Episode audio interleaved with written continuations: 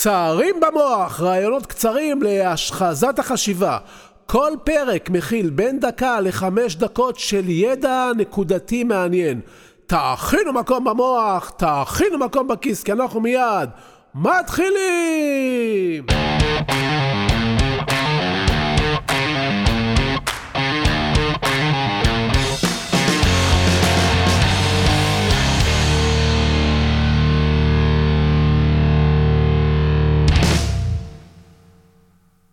ברוכים הבאים לקצרים במוח, כאן צביקה ברגמן. היום נלמד על פטיש וספר.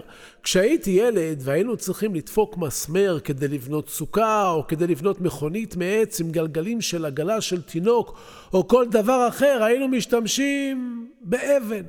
לא היו לנו פטישים, ואם היה למישהו פטיש בבית, אבא שלו לא הרשה לו להוריד אותו למטה, שלא ייעלם חלילה. ככה היינו דופקים עם אבן, וזה היה קשה וכואב ולא מוצלח, אבל זה מה שהיה.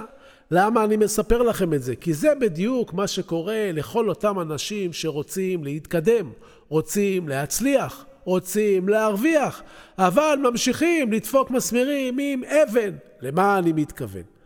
כל הידע בעולם נמצא בספרים, ורבים מאיתנו לא קוראים. לא משנה מה אתם רוצים לעשות ולהצליח בו, יש המון ספרים בתחום, ספרים טובים שיכולים לקצר לכם את הדרך ולתת לכם ניסיון של אחרים שהצליחו, עשרות שנים של ניסיון, של חוכמה, של קיצורי דרך. וכל מה שאתם צריכים לעשות הוא לקחת את הניסיון הזה בשתי ידיים, רק להחליף את האבן בפטיש. תקנו ספר טוב שחשוב לכם, תקראו בכל יום עשרה עמודים, וזה ייקח לכם רבע שעה. בקצב הזה תקראו לפחות ספר בחודש, וזה ישנה את החיים שלכם. רוצים לקחת את זה קדימה? תקראו על קריאה גאונית באתר של יסודות. ספר זו ההשקעה הכי טובה שתעשו בחיים. המחיר שלו נמוך, והערך שלו אין סופי.